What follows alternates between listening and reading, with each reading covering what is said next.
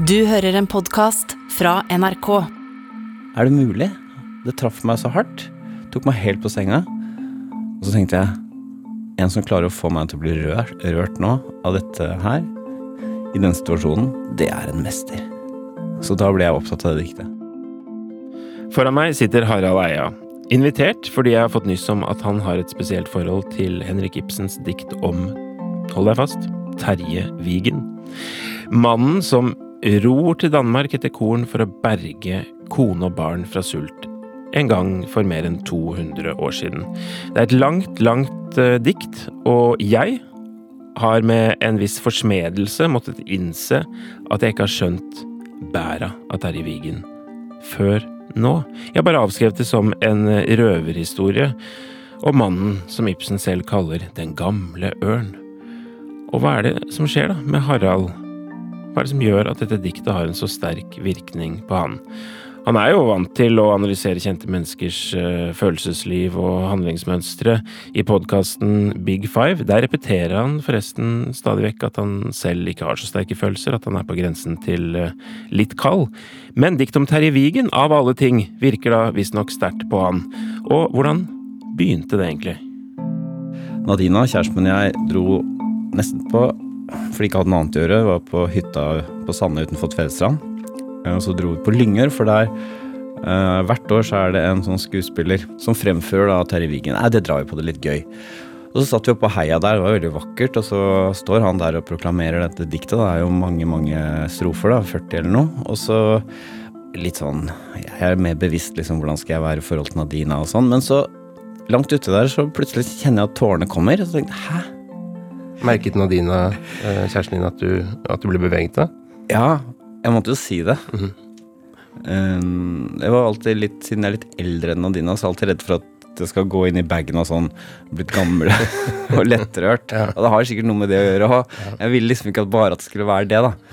Um, så ja, hun Så vi snakka litt om det etterpå. Hva er det som skjer, liksom? Hva er det som hva er det denne måten å fortelle på, men også denne karakteren Terje Vigen, hvordan denne historien bygges opp som gjør at det treffer så hardt, da. For det er jo Jeg blir rørt å tenke på noe. Det er særlig ett sted, da, i dette diktet, som er veldig fint. Hvor man nesten ikke, hvis man er vanlig skrudd sammen, kan holde tilbake tårene. Jeg er veldig spent på hvor det er. for jeg, dette, jeg hadde ikke noe sterkt forhold til Jeg har kanskje ledd litt selv òg, fordi at jeg holder også til på Sørlandet om sommeren. Og, og, og liksom den der Terje Vigen-fetisjen er jo litt komisk nesten, og litt pompøs på en måte. Og litt sånn patriotisk og, øh, og hva skal man si, ja, lokalpatriotisk øh, på en måte, da. Men så har jeg nå lest det kanskje ti ganger, øh, jeg òg. Og ble beveget gang nummer tre. Da begynte det å, begynte å skje. Så det var ikke like akutt som deg, men plutselig så slo det inn, da. Jeg har alltid vært opptatt av å prøve å forstå uh, hva er det som trigger følelser. Jeg har ikke så mye følelser selv, men de gangene de trigger, så blir jeg veldig nysgjerrig på mekanikken bak. da. Hvilke, hvilke, hvilke knapper, hva er det han gjør? Men det er et lite mysterium, da, eller hvor i teksten dette skjer, det kan vi kanskje, kanskje komme tilbake til. men vi må legge en slags plan for å lese den første gang. Og da blir det ikke, vel, blir det ikke fra A til Å. Kunne du finne på å, å lese den, Harald? Lese f.eks. fra starten og til han bestemmer seg for å dra til Danmark? Oi. Jeg kan godt prøve det. Um, Bare hvis du er komfortabel med det. Hvis ikke, så gjør jeg ja. Nei, men, jeg prøver. Jeg, jeg, er ikke så god til å lese, men, eller jeg er god til å lese, men å lese dikt.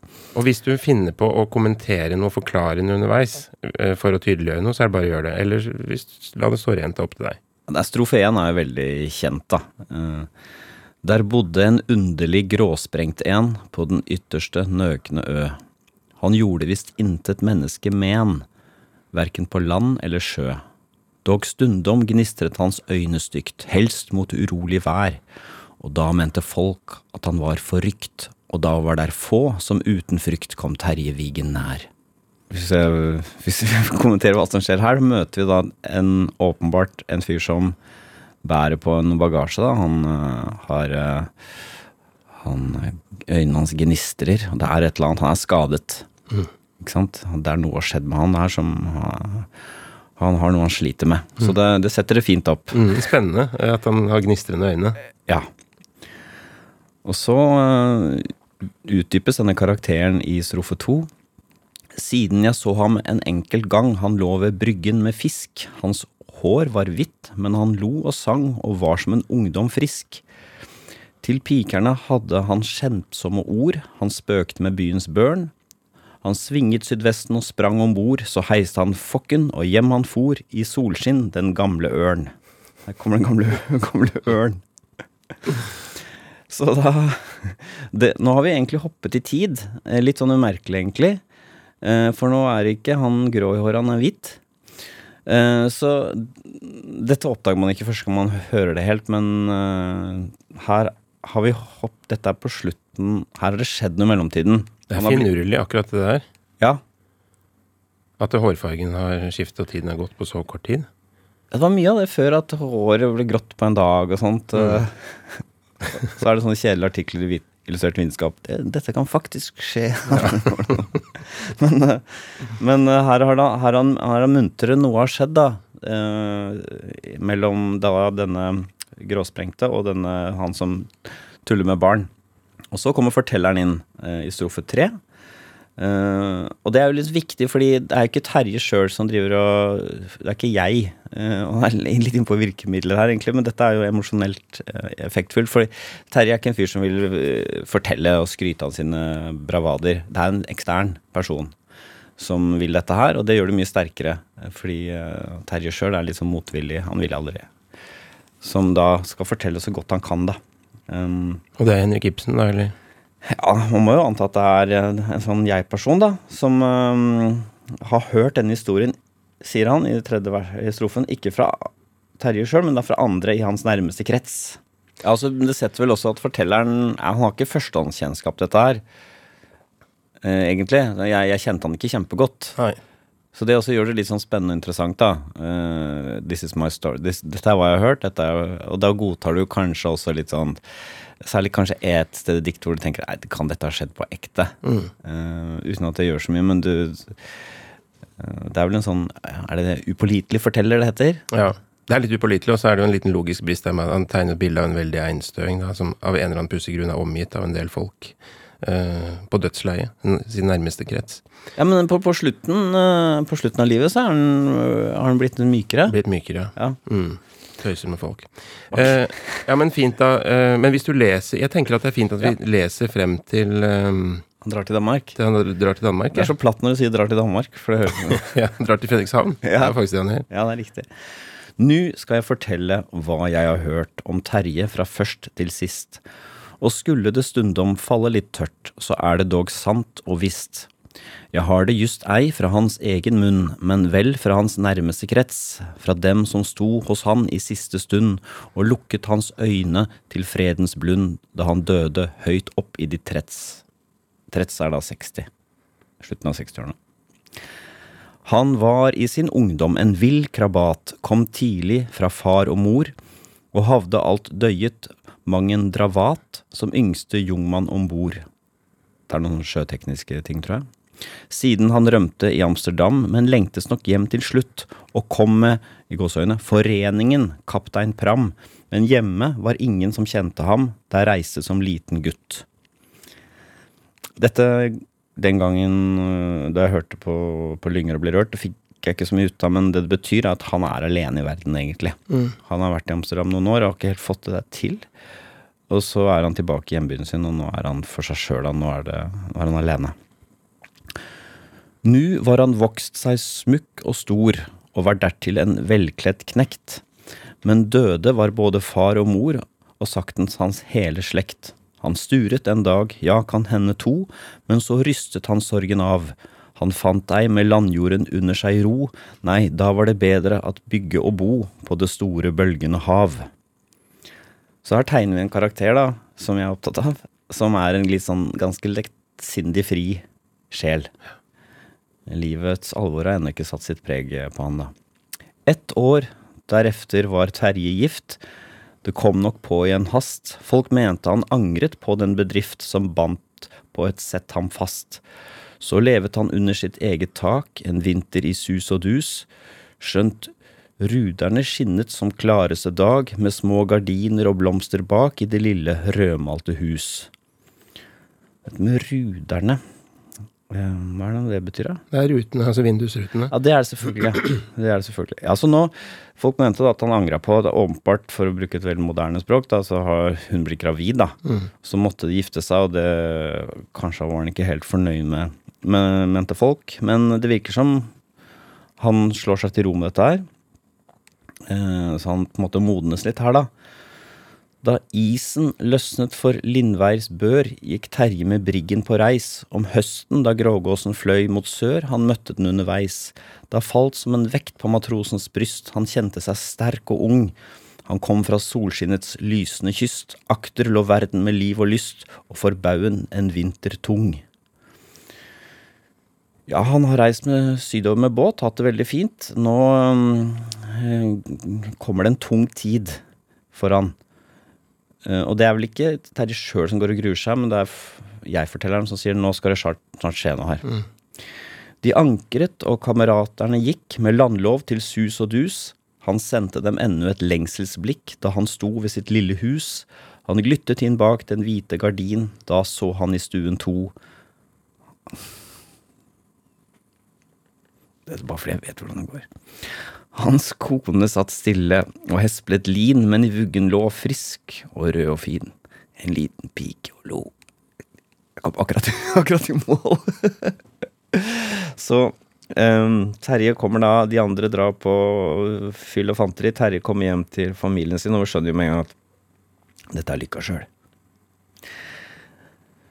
Der saktes at Terjes sinn med ett fikk alvor fra denne stunden. Han trellet og slet og ble aldri trett av at vugge sitt barn i blund.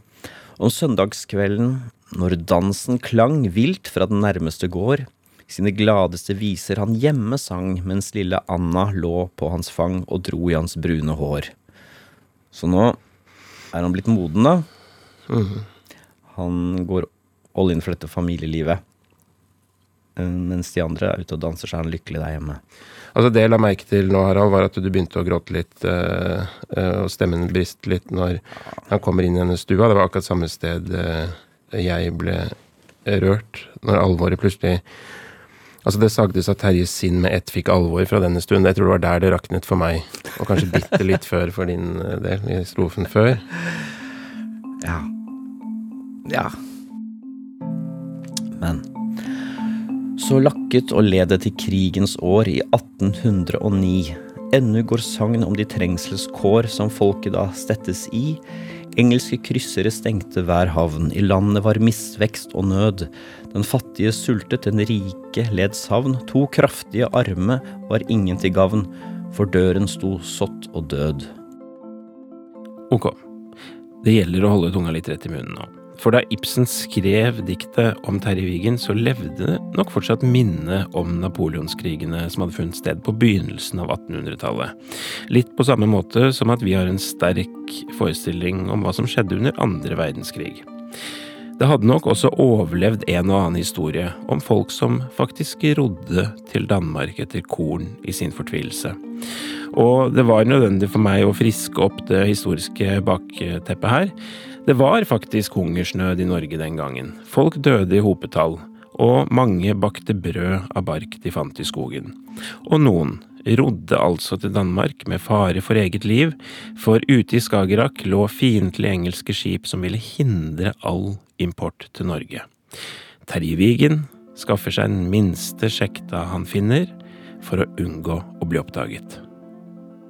Ja, Det er viktig å legge understreke der også at fordi han er så redd for å bli oppdaga av eh, britiske soldater, så seiler han ikke. Han tar av masten. Eh, og det gjør det ikke bare tar lengre tid, men det er også farligere fordi en mast med et seil stabiliserer båten. Så mm, det, er en ganske strabasiøs Det er vel tre, tre netter og tre dager det tar. Han binder seg fast i tofta for å kunne ro hele tida. Det er knallhardt. Mm. Og dette var jo ikke noe ellevilt uh, litterært påfunn fra Henrik Ibsen. Dette var en ting som man vet at folk gjorde i sin desperasjon. Uh, å dra til Danmark for å skaffe seg noen tønner med, med bygg. Uh, hvordan går det med Terje Vigen, Harald? Ja, han får tak i to tønner med bygg, ja. Og så ror han um, tilbake. Kommer mot land. Og ser fjellene. Det er vel ved Grimstad der. Han ser, han er liksom nesten trygg. Og der skjer det noe. Der er det en, en britisk eh, båt, en eh, militærskip, Skonnert eller noe sånt, som da oppdager han, og de setter ut en, eh, en jolle og ror etter han. 15 mann. Eh, Terje prøver å ro, men han klarer ikke stikke av. Til slutt så kjører han opp på et slags skjær, eh, og så kommer da denne eh, britiske jollen bort, da, og da beordrer han offiseren at de tar en sånn åre eller noe sånt og stikker hull på båten til Terje.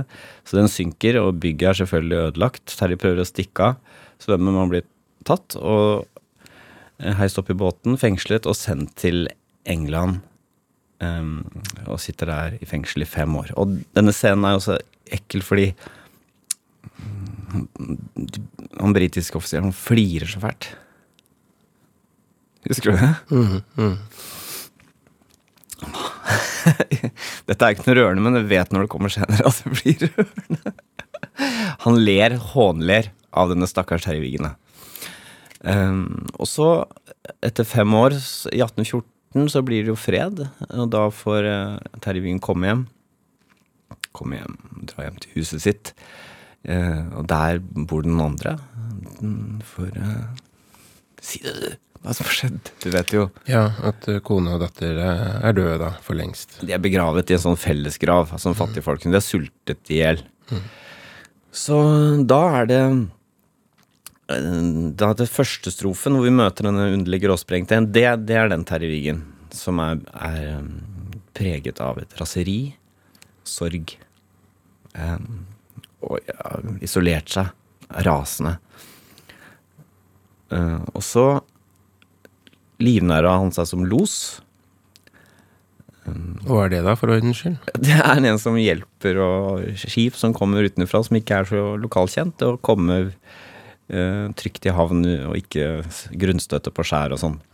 Og så er det en, en, en kveld, det, er, det, det blåser ganske hardt, pålandsvind, og der kommer det en engelsk yacht eh, som trenger hjelp. De, er, eh, de har store problemer. De holder på å bli skyldt på et skjær, og Terje blir kalt ut.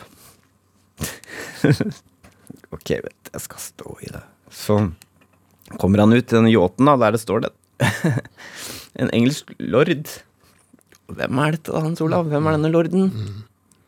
Si det, du. Det er den samme som, eh, som hånlo av han i sin tid. Riktig. Plutselig så er det er lordens skjebne i, i Terje Vigens hender. For han, lorden har da med seg sin unge kone og sitt barn. Og denne yachten er vel i ferd med å eh, bli slått mot sånne skjær. Er det sånn da at de At Terje kjenner jo han igjen med en gang, men lorden kjenner ikke igjen Terje. Jeg tror ikke det. Men Terje ber vel dem komme over i sin båt, er det sånn? Eh, og skal frakte dem trygt til land. Uh, men det gjør han ikke. Han frakter dem. Herregud, ass. Jeg var ikke så rørt jeg ble i 2011 der, men uh, nå vet jeg hva som kommer. Han frakter det mot dette skjæret som han selv grunnstøtter på. Og så slår han hull i båten, akkurat som uh, denne lorden, som da tidligere offiser, gjorde. Og så sier han hvem han er, da. Eh, og da og, s- og, og holder en sånn liten tale til denne lorden som har en sånn kone med veldig fin hud, veldig pene hender. Hans kone, Terje Vigens kone. det er rart man ler og gråter om hverandre. Da. Kaos. Um, hun hadde ikke så fin hud, men hun var like mye verdt for meg. Og nå sier jeg det ikke med Ibsens vakre ord. Og da um, så tar Terje Wigen Og han, lorden skal angripe han, men han blir helt kraftløs, og Terje Wigen tar og løfter opp dette barnet. Holder det som et slags gissel. Um, og da er det det skjer det merkelige først at båten synker ikke, for den liksom blir sittende Den lander akkurat oppå den gamle sjekta til Terje Wigen og bygget. Ikke sant? De sekkene. Det er det, er det rare ved det. det, liksom det da skjønner du dette, dette kan ikke ha skjedd. Det blir for rart at det bygget har ligget der, vet ikke jeg. Er det ti år eller noe? Altså Plottmessig er det jo ellevilt og melodramatisk ja. tusen og herlig. Veldig, og det er jo der Men det her kommer det punktet jeg snakket om så hvor jeg, hvor jeg knakk, da. Og det er jo at Terje, når han holder dette barnet og ser hvordan han elsker barnet, så skjønner han at det å hevne seg nå Det, det løser jo ingen problemer. Det er galt. Så da, får han et mildt uttrykk i ansiktet, og så gir han barnet tilbake til moren og lorden. Og så, på en eller annen måte, jeg husker ikke helt hvorfor ikke båten synker, men han får det i hvert fall trygt i havna. Det går litt fort akkurat der, det er ikke så interessant. Og lorden eh, takker ham for storsinnet, og, og Terje sier vel et eller annet om at han har fått en gave. Som, som nettopp eh, På en måte en tilgivelsens gave, Mm. Og så drar lorden sin kos, og Terje er da blitt denne andre, eh, han som snakket munter til, til barn. Nå er han kvitt denne denne byrden, denne knuten han fikk da han ble utsatt for denne, eh, denne ondskapsfulle handlingen fra den 18 år gamle eh, lorden da han var offiser. Så han har kommet seg videre. Da dør han eh, som en, en mann som har forsont seg med sin skjebne. eh, og med verdens uh, ugjerninger. Eh, men det rørende øyeblikket, eh, det kom jo når han liksom overvinner den hevntrangen, da. Og det er jo det som er det store. Så, så hvorfor blir vi så grepet av det? Eh, og det å hevne seg er jo helt menneskelig. Eh, men eh, vi blir jo veldig berørt av de som klarer å snu det andre kinnet til, eller som klarer å bruke fornuft og moral til å mm, gjøre det gode, da. Det, det er vel det Ibsen har gjort her. Han har fått oss til å føle sånn Nå skal du faen meg få. Det er jo den store kunstneren som klarer føle virkelig med Ha-ha, nå har vi deg. Nå har vi deg, din kødd. Um, du har fått den derre yachten din, har vunnet krigen og gått videre i livet. Nå skal du få oss med på den. Vi hater jo han, uh, han lorden. Uh, og så likevel så drar han liksom teppet under beina på oss og sier sånn Nei, nei. Det Ikke gjør det. Så det jo, gjør mye mer inntrykk enn noen som bare sier du skal vende det andre kinnet til. For mm. da har du ikke først kjent på at du ikke har lyst til å vende dette kinnet til i det hele tatt.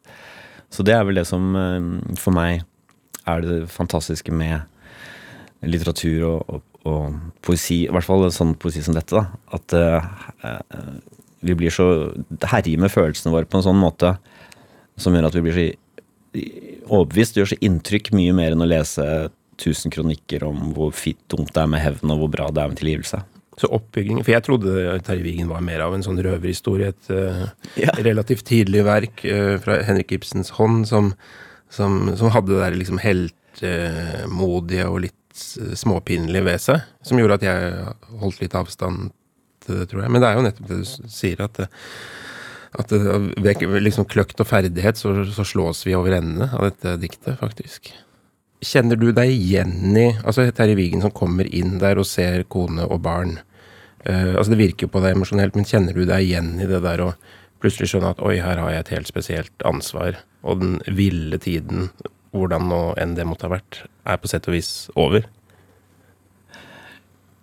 Ja, jeg hadde jo det da vi fikk mitt første barn, at jeg, hadde allerede kjent på at det å gå på fylla og, og drive med tullball, at det ikke ga meg så mye lenger, da. Så det var jo modent. Eh, så, uh, men ja, den har jeg kjent på. Da liksom nå begynner Nå er det andre ting som er viktigere. Nå er det denne lille tassen som trenger meg.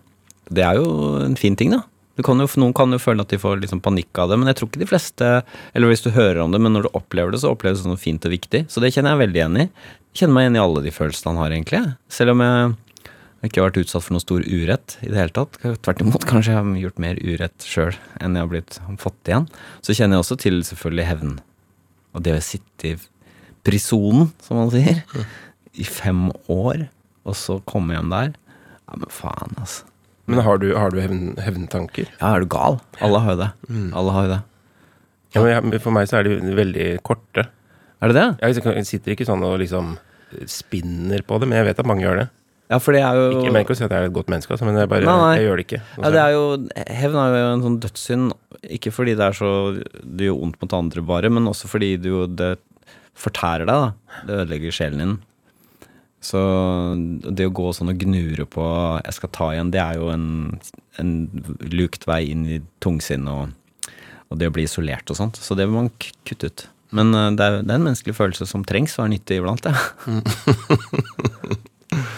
det å ofre seg, det er kanskje en litt sånn mandig eh, Det å ro over til Danmark, ikke sant. Jeg skal gi alt for denne familien. Ja, den dåden. Ja. Ja, Ja. ja den har veldig appell til meg. Så ikke sant, Stå der, eh, bære opp bagasjen på hytta. Det er ikke så ofte man får brukt det. Regnet pisker, de andre er trygt inne. Du selv går der og har skrapet deg opp, og du bare bærer på, for du er en maskin. Det er deilig. Du hadde rodd til Danmark? Jeg tror det, men uh, det er jo jæskla langt, da. Jeg, jeg får jo træler i hendene. Jeg vet ikke jeg, jeg, jeg, skjønner ikke, jeg skjønner ikke åssen det er mulig, men øh, det er vel folk som har gjort det, kanskje? Rodd over. Jeg skjønner ikke navigeringen, jeg skjønner ingenting. Men hva er det han gjør da? Altså Terje Wigen, da. Er, er det det at han elsker på en måte sin skjebne sånn som den blir til enhver tid, eller? Nei. Nei. Nei, når han er en underlig gråsprengt en, så er han jo, er han jo rasende. Mm. Han er så, verden er ond. Verden har gjort meg urett. Um, og han har sikkert fantasert tusen ganger om å alt, Alle problemer vil løse seg for meg hvis jeg bare får tatt igjen. Da er, øh, da er gjelden, verdens gjeld, betalt. Altså den uretten som er begått, da. Og så viser det at ikke det er løsningen likevel. Eh, Så han er ikke sånn at han, han forsoner seg med enhver situasjon. Nei, det hadde ikke vært så sterkt. Han må jo velge det. Og, men i denne situasjonen hvor han er gråsprengt, så er ting ikke i vater. Da er ting det som, som en spent bue, da. Eh, Og det er, jo selvfølgelig også sånn det må være i en god fortelling. Så Det var litt viktig for meg å si og så understreke, og det er helt sant at det var 2011, for dette skjedde jo før vi mista et barn, Nadine og jeg. Så det, det, det var ikke derfor jeg ble så rørt, for det handler jo om barn som dør her også. Um, Men er det derfor du gråter mye nå, eller er ikke Nei. det noe med Nei. Nei, det er ikke det, altså. Det er ikke, det er ikke barnet, det er Terje. eh, som jeg tenker på. Mm. Uh, og det er ikke meg selv uh, som har mistet et barn jeg tenker på heller. Jeg tenker på han som har investert og gitt så mye.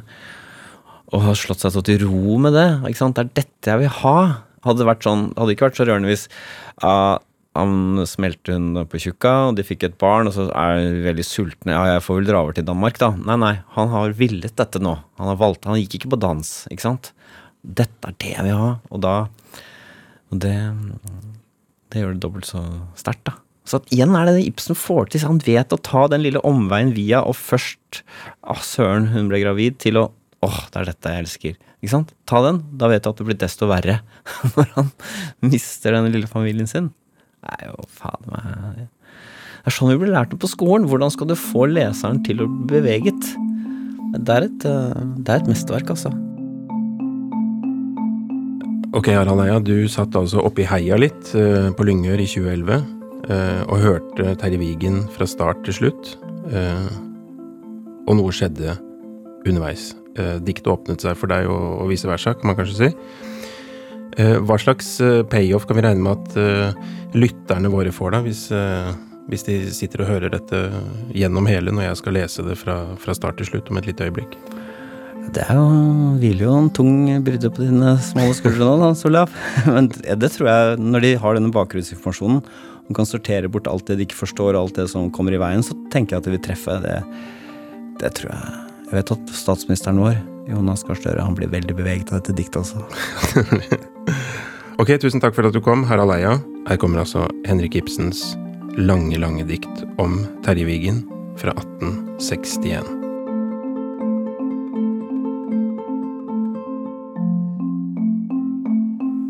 Det bodde en underlig gråsprengt en på den ytterste nøgne ø. Han gjorde visst intet menneske men, verken på land eller sjø. Dog stundom gnistret hans øyne stygt, helst mot urolig vær, og da mente folk at han var forrykt, og da var det få som uten frykt kom Terje Vigen nær. Siden jeg så ham en enkelt gang, han lå ved bryggen med fisk, hans hår var hvitt, men han lo og sang, og var som en ungdom frisk. Til pikene hadde han skjemtsomme ord, han spøkte med byens børn. Han svinget sydvesten og sprang om bord, så heiste han fokken og hjem han for, i solskinn den gamle ørn. Nu skal jeg fortelle hva jeg har hørt, om Terje fra først til sist. Og skulle det stundom falle litt tørt, så er det nok sant og visst. Jeg har det just ei fra hans egen munn, men vel fra hans nærmeste krets. Fra dem som sto hos i hans siste stund, og lukket hans øyne til fredens blund, da han døde, høyt opp i ditt tress. Han var i sin ungdom en vill krabat, kom tidlig fra far og mor, og hadde alt døyet mang en dravat som yngste jungmann om bord. Siden han rømte i Amsterdam, men lengtes nok hjem til slutt, og kom med Foreningen, kaptein Pram, men hjemme var ingen som kjente ham. Der reiste som liten gutt. Nu var han vokst seg smukk og stor, og var dertil en velkledt knekt, men døde var både far og mor, og saktens hans hele slekt. Han sturet en dag, ja, kan hende to, men så rystet han sorgen av. Han fant ei med landjorden under seg ro, nei, da var det bedre å bygge og bo på det store, bølgende hav. Et år derefter var Terje gift. Det kom nok på i en hast. Folk mente han angret på den bedrift, som bandt på et sett ham fast. Så levet han under sitt eget tak en vinter i sus og dus, skjønt rutene skinte som klareste dag, med små gardiner og blomster bak, i det lille rødmalte hus. Da isen løsnet for Lindværs bør, gikk Terje med briggen på reis. Om høsten da grågåsen fløy mot sør. Han møtte den underveis. Da falt som en vekt på matrosens bryst. Han kjente seg sterk og ung. Han kom fra solskinnets lysende kyst, akter lå verden med liv og lyst, og for baugen en vinter tung. De ankret, og kameratene gikk med landlov til sus og dus, han sendte dem ennå et lengselsblikk, han sto ved sitt lille hus. Han glyttet inn bak det hvite gardin. Da så han i stuen to. Hans kone satt stille og hesplet lin, men i vuggen lå frisk og rød og fin en liten pike og lo. Der sagdes at Terjes sinn med ett fikk alvor fra denne stund. Han trellet og slet og ble aldri trett av å vugge sitt barn i blund. Om søndagskvelden, når dansen klang vilt fra den nærmeste gård, sine gladeste viser han hjemme sang, mens lille Anna lå på hans fang og dro i hans brune hår. Så lakket og ledet til krigens år, i 1809. Ennu går sagn om de trengselsår, som folket da stettes i. Engelske kryssere stengte hver havn, i landet var misvekst og nød. Den fattige sultet, den rike led savn. To kraftige armer var ingen til gavn, for døren sto sått og død. Da sturet Terje, en dag eller to. Så rystet han sorgen av. Han mintes en kjenning, gammel og tro. Det store, bølgende hav. Der vester har ennu hans gjerning liv. I sagnet, som djerveste dåd, da vinden kulet litt mindre stiv, Terje Vigen rodde for barn og viv over havet i åpen båt. Den minste sjekte der var å få, ble valgt til hans Skagens fart. Seil og mast lot han hjemme stå, slik tyktes han best bevart. Han mente nok, Terje, at båten bar, om sjøen kom litt på tvers. Det jyske revet var vel svært å gå klar, men verre den engelske man of war, med ørneøyne fra Mash. Så ga han seg trøstig, lykken i vold, og tok til årene vast. Til Flatstrand kom han i god behold og hentet sin dyre last. Gud vet, hans føring var ikke stor, tre tønner bygg, det var alt. Men Terje kom fra en fattig jord. Nu hadde han livsens frelse om bord, det var hustru og barn det gjaldt. Tre netter og dage til toften bandt, den sterke, modige mann. Den fjerde morgen da solen rant, han skimtet en tåket rand. Det var ikke flyktende skyer han så, det var fjellet med tinder og skar men høyt over alle åsene lå Imenes-sadelen bred og blå, da kjente han hvor han var. Nær hjemmet var han. En stakket tid, han holder ennu vel ut. Hans hjerte seg løftet i tro og lid, han var nær ved en bønn til Gud. Det var som om ordet frøs på hans munn. Han stirret, han tok ikke feil. Gjennom skodden som lettet i samme stund. Han så en korvett i Hestnessund, at duve forbakkede seil. Båten var røpet, det lød et signal, og det nærmeste løp var lukt, men solgangsvinden blafret skrall, mot vester gikk Terjes flukt. Da firte de jollen fra relingens kant, han hørte mot trosenes sang, med føttene stemte mot sjektens spant, han rodde så sjøen fosset og brant og blodet fra neglene sprang. Gjeslingen kalles de blinde skjær, litt østenfor Homborsund. Der bryter det stygt i pålandsvær, under to fot vann er det bunn. Der sprøyter det hvitt, der glitrer det gult, selv stilleste havblikksdag, men går enn dønningen aldri så hult, innenfor er det som tidest smult med brekkede bølgedrag. Dit inn Terje Vigens sjekte for, lik en pil mellom brått og brann. Men bak efter ham, i kjølvannets spor, jog jollen med femten mann. Da var det han skrek gjennom brenningens sus til Gud i sin høyeste nød. Innerst der inne på strandens grus sitter min viv ved det fattige hus og venter med barnet på brød. Dog høyere skrek nok de femten enn han. Som ved Lyngør, så gikk det her.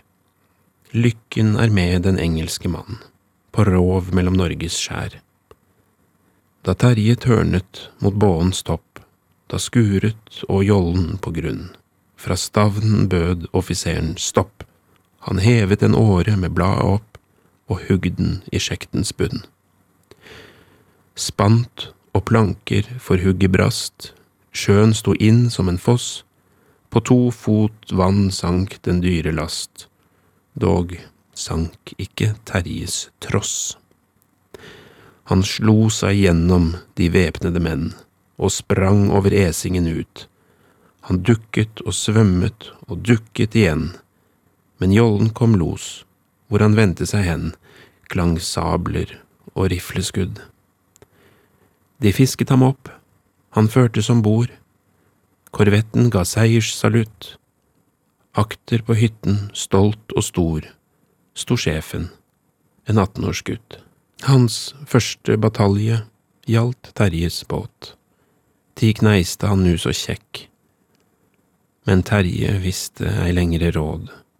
Den sterke mann lå med bønn og gråt, i kne på korvettens dekk.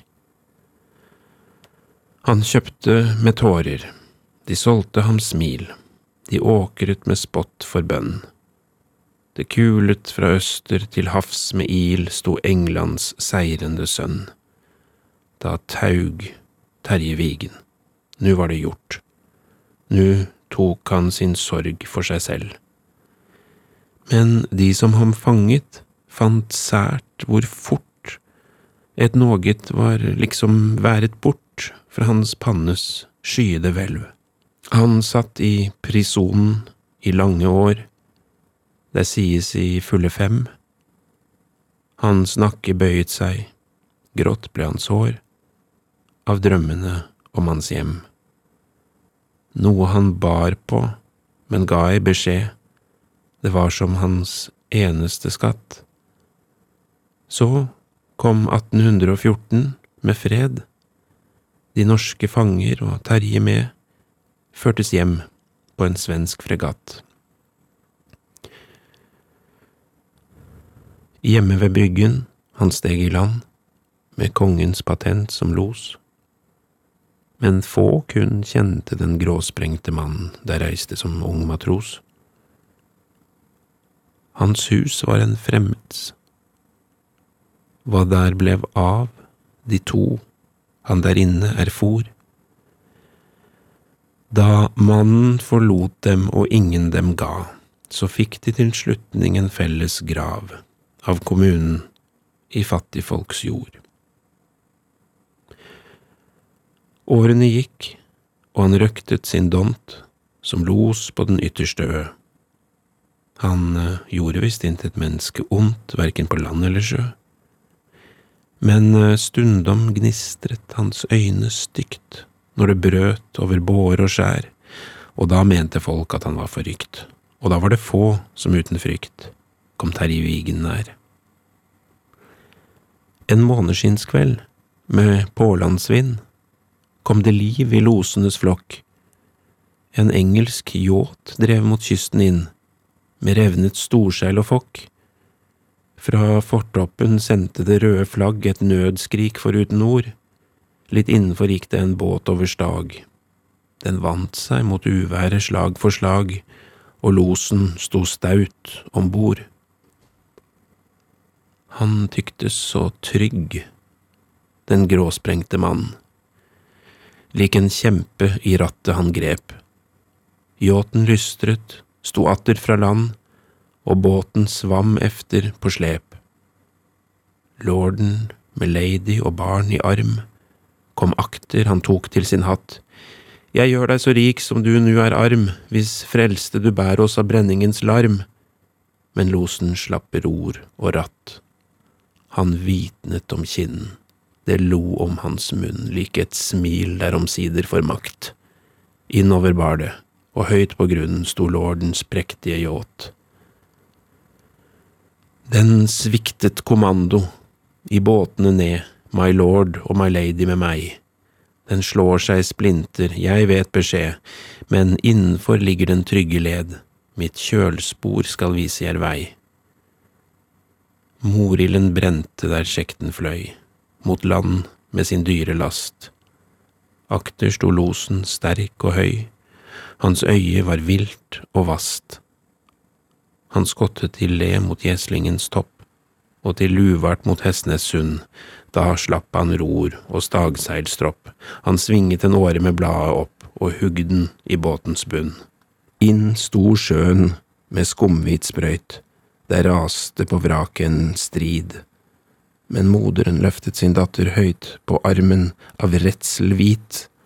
Anna, mitt barn, hun skrek i sin ved, da bevret den gråsprengte mann. Han fattet om skjødet, drev roret i le, og båten var fast som en fugl å se, slik for den i brått og brann. Den tørnet, de sank, men havet var smult der innenfor brenningens krets Oppover rakk seg en langgrunn skjult, der sto de i vann til knes. Da ropte lorden, kjenn båens rygg, den svikter, det er ingen flu. Men losen smilte, nei, vær de trygg, en sunken sjekte med tre tønner bygg er båen som bær oss nu. Der jog et minne om halvglemt dåd lik et lyn over lordens trekk. Han kjente matrosen som lå med gråt i kne på korvettens dekk. Da skrek Terje Vigen, alt mitt du holdt i din hånd, og du slapp det for ros. Et øyeblikk ennu, en gjengjeld er voldt. Da var det den engelske stormann stolt, bøyet kne for den norske los. Det er veldig rørende.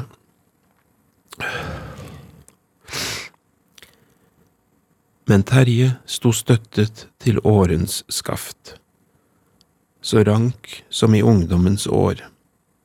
Hans øyne brant med ubendig kraft, for vinden flommet hans hår.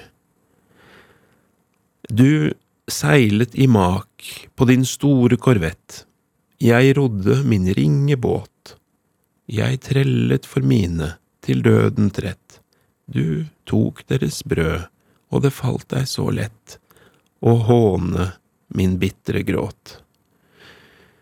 Din rike lady er lys som en vår, hennes hånd er som silkefin. Min hustrus hånd, den var grov og hår, men hun var nu allikevel min. Ditt barn har gullhår og øyne blå, som en liten Vår Herres gjest. Min datter var intet å akte på, hun var, gud bedre det, mager og grå, som fattigfolks børn er flest. Se, det var min rikdom på denne jord. Det var alt hva jeg kalte for mitt. Det tyktes for meg en skatt så stor, men det veiet for deg så litt. Nu er det gjengjeldelsens time slår, ti nu skal du friste en stund, som vel kommer opp mot de lange år, der bøyet min nakke og blekte mitt hår, og senkte min lykke på grunn. Barnet han grep og svinget det fritt med den venstre om ladyens liv. Tilbake, my lord, ett eneste skritt, og det koster deg barn og viv. På sprang sto britten til kamp på ny, men armen var vek og matt. Hans ånde brente, hans øyne var sky, og hans hår, så kjentes ved første gry, ble grått i den eneste natt. Men Terjes panne bar klarhet og fred. Hans bringe gikk fritt og stilt. Ærbødig løftet han barnet ned og kysset dets hender mildt. Han åndet som løst fra et fengselshvelv, hans stemme lød rolig og jevn.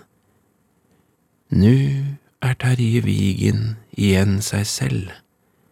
Inntil nu gikk mitt blod som en stenet elv, for jeg måtte, jeg måtte ha hevn. De lange år i prisonens kvalm, de gjorde mitt hjerte sykt. Bakefter lå jeg som heiens halm og så i et brådyp stygt. Men nu er det over. Vi to er kvitt, din skyldner for ei med svik.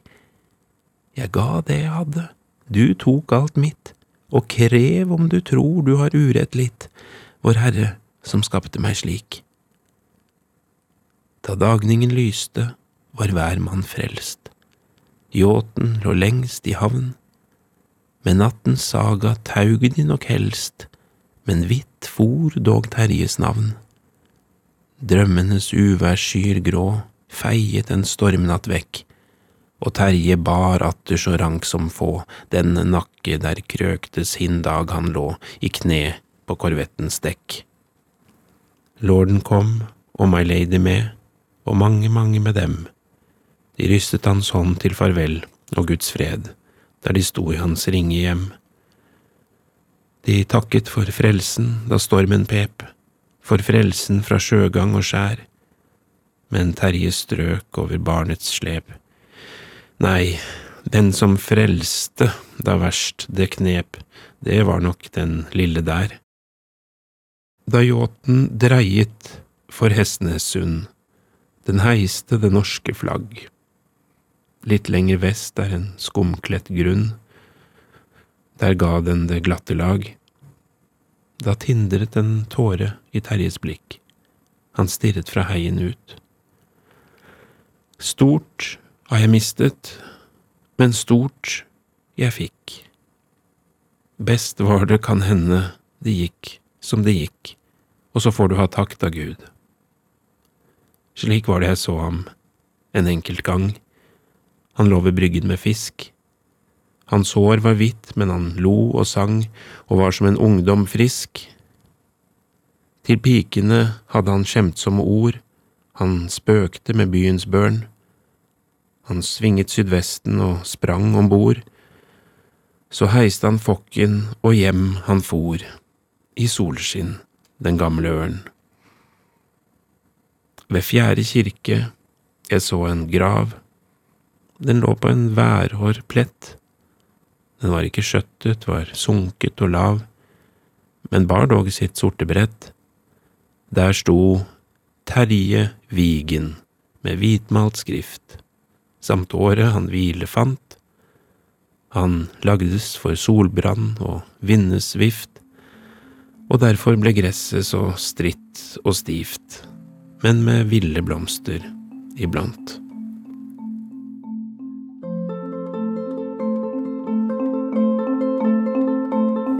Det var hele Terje Vigen. Takk for at du også satt og hørte på hele, Harald.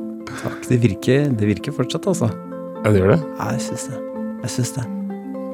Ikke som en vits som du ikke ler andre gang, men dette kan du bli beveget av 10-20-50 ganger. Herlig. Takk. Takk.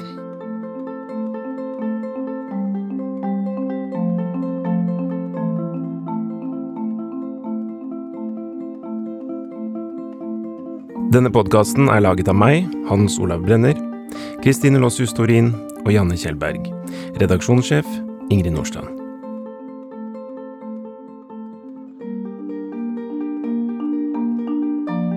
Du har hørt en podkast fra NRK.